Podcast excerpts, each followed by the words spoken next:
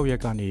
ဇန်နဝါရီလ1ရက်နေ့အထိတပတ်အတွင်းတနင်္သာရီသတင်းအစီအစဉ်ကို တင်ဆက်ပါတော့မယ်ခင်ဗျာဒီအစီအစဉ်ကို The Way Watch အဖွဲ့သားတွေကစူးစီးတင်ဆက်ထားတာပါ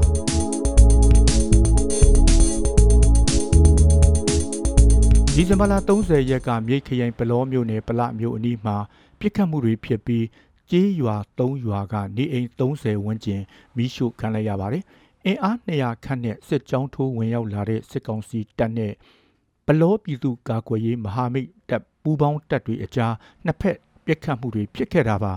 ပလမြို့ရဲ့အမှတ်1အမှတ်2ရက်ွက်ဖြစ်တဲ့တူရွာမှာနန်းနဲ့ဆယ်နာရီဝန်းကျင်ကနေပြစ်ခတ်တာတွေစတင်ဖြစ်ပွားပြီးနေအိမ်20လုံးမီးလောင်ခဲ့တယ်လို့ဒေတာခန်တွေကပြောပါတယ်စစ်ကောင်စီတပ်ကတန်းရှင်းတဲ့တင်ကန်းတော်ရွာတွေကိုပါဝင်ရောက်ခဲ့ပြီးတိုက်ပွဲတွေကညနေပိုင်းအထိဆက်လက်ဖြစ်ပွားခဲ့ပြီးလို့ဆိုပါတယ်။အဲ့ဒီနောက် တန်းရှင်းရွာထိပ်ကစီဆိုင်တဆိုင်နဲ့ဆန်ဆက်တလုံးမီးလောင်ပျက်စီးသွားပြီးသင်္ကန်းတော်မှာလည်းနေအိမ်ခုနှစ်လုံးမီးလောင်ပျက်စီးတယ်လို့ဒေသခံတွေကပြောပါတယ်။ဒေသခံဆယ်ဦးဝန်းကျင်ဖမ်းဆီးခံခဲ့ရပြီးတိုက်ပွဲကြောင့်တူတန်းရှင်းသင်္ကန်းတော်ကတဲ့ပဝုတ်ကုန်းစတဲ့ကြေးရွာတွေကဒေသခံတွေဘေးလွတ်ရာတောတောင်အတွင်းထွက်ပြေးနေကြရပါတယ်။ ဒီဇင်ဘာလ31ရက်မနေ့မှာတော့စစ်ကောင်စီဘက်ကဘလောမျိုးကနေတိုက်ပွဲဖြစ်ခဲ့တဲ့ရွာတွေဘက်ကိုလက်နက်ကြီးနဲ့တနအီခတ်ကြာပစ်ခတ်ခဲ့တယ်လို့ဆိုပြီးထိခိုက်မှုရှိမရှိတော့မသိရသေးပါဘူး။ ဒီဇင်ဘာလ28ရက်နေ့က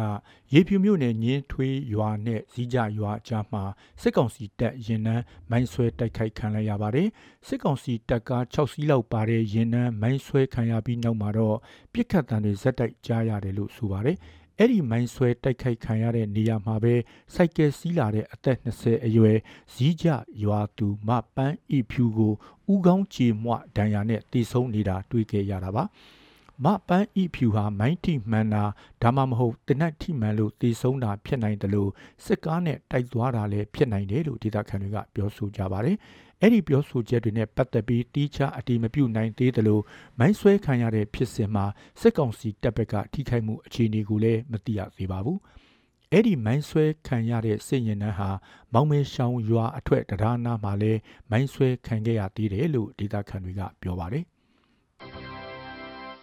ဒီဇင်ဘာလ29ရက်ကလည်းပလောမြို့နယ်တပူကြီးရွာနာမှာစစ်ရင်တန်းမိုင်းဆွဲခံရပြီးထိခိုက်မှုရှိနိုင်တယ်လို့သိရပါတယ်။မြိတ်ဘက်ကနေပလောဘက်ကိုလာတဲ့စစ်ကောင်စီရင်တန်းကိုပဒေသာမိုင်းနဲ့တိုက်ခိုက်ခဲ့တယ်လို့တောကြီးမွေဟောက်အဖွဲ့ကထုတ်ပြန်ထားတာပါ။စစ်ကောင်စီတပ်ဖြတ်သွားချိန်လေကွင်းထဲအလုတ်လုံနေတဲ့ဒေသခံအမျိုးသား3ဦးကိုလည်းဖမ်းခေါ်သွားတယ်လို့ဆိုပါတယ်။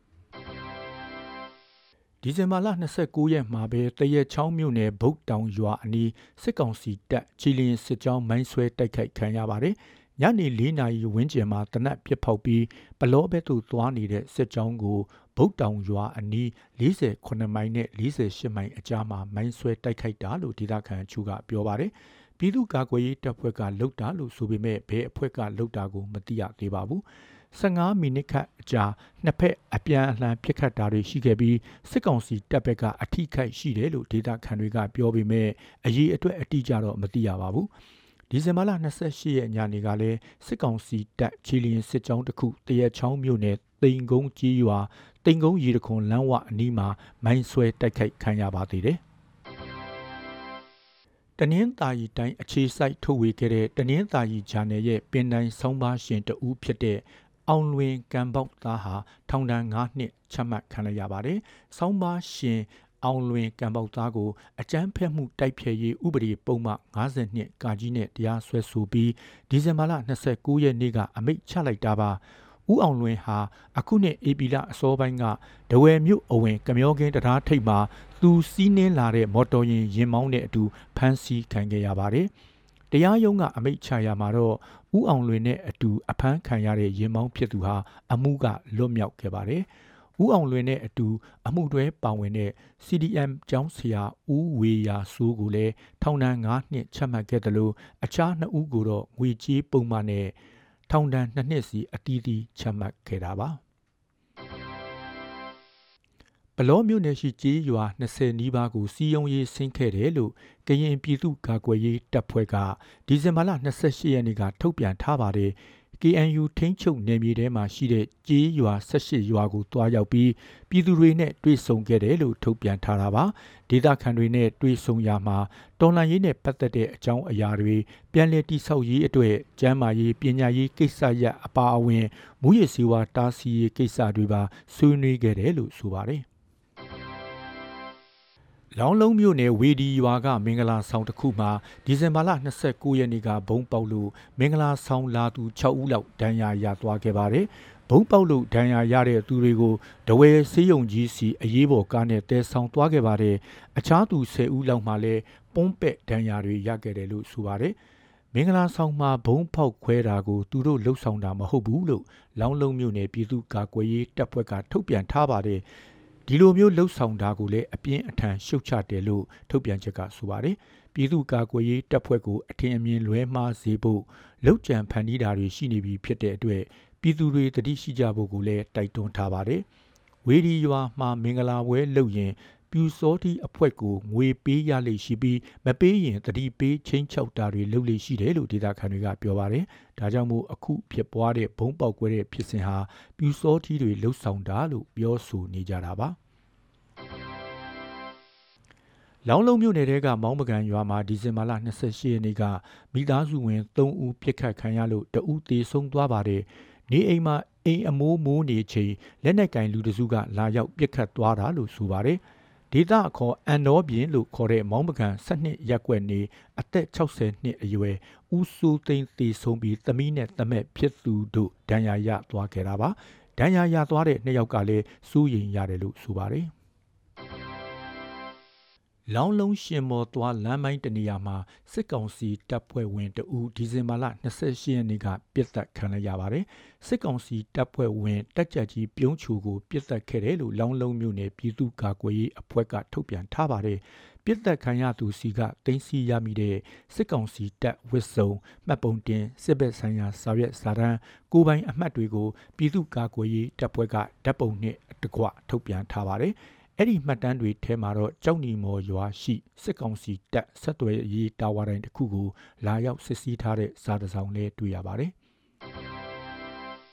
မီးလောင်ရင်ဆက်သွယ်နိုင်တဲ့အရေးပေါ်ဖုန်းနံပါတ်1919စမ်းသပ်ခေါ်ဆိုသူအရန်များနေတာကြောင့်တိုင်းမီးသတ်တပ်ဖွဲ့ကမြစ်တံရက်ခံနေရပါတယ်။အကြောင်းကိစ္စမရှိဘဲအရေးပေါ်ဖုန်းနံပါတ်1919စမ်းသပ်ခေါ်ဆိုတာမျိုးမလုပ်ကြဖို့မြစ်တံရက်ခံနေတာပါ။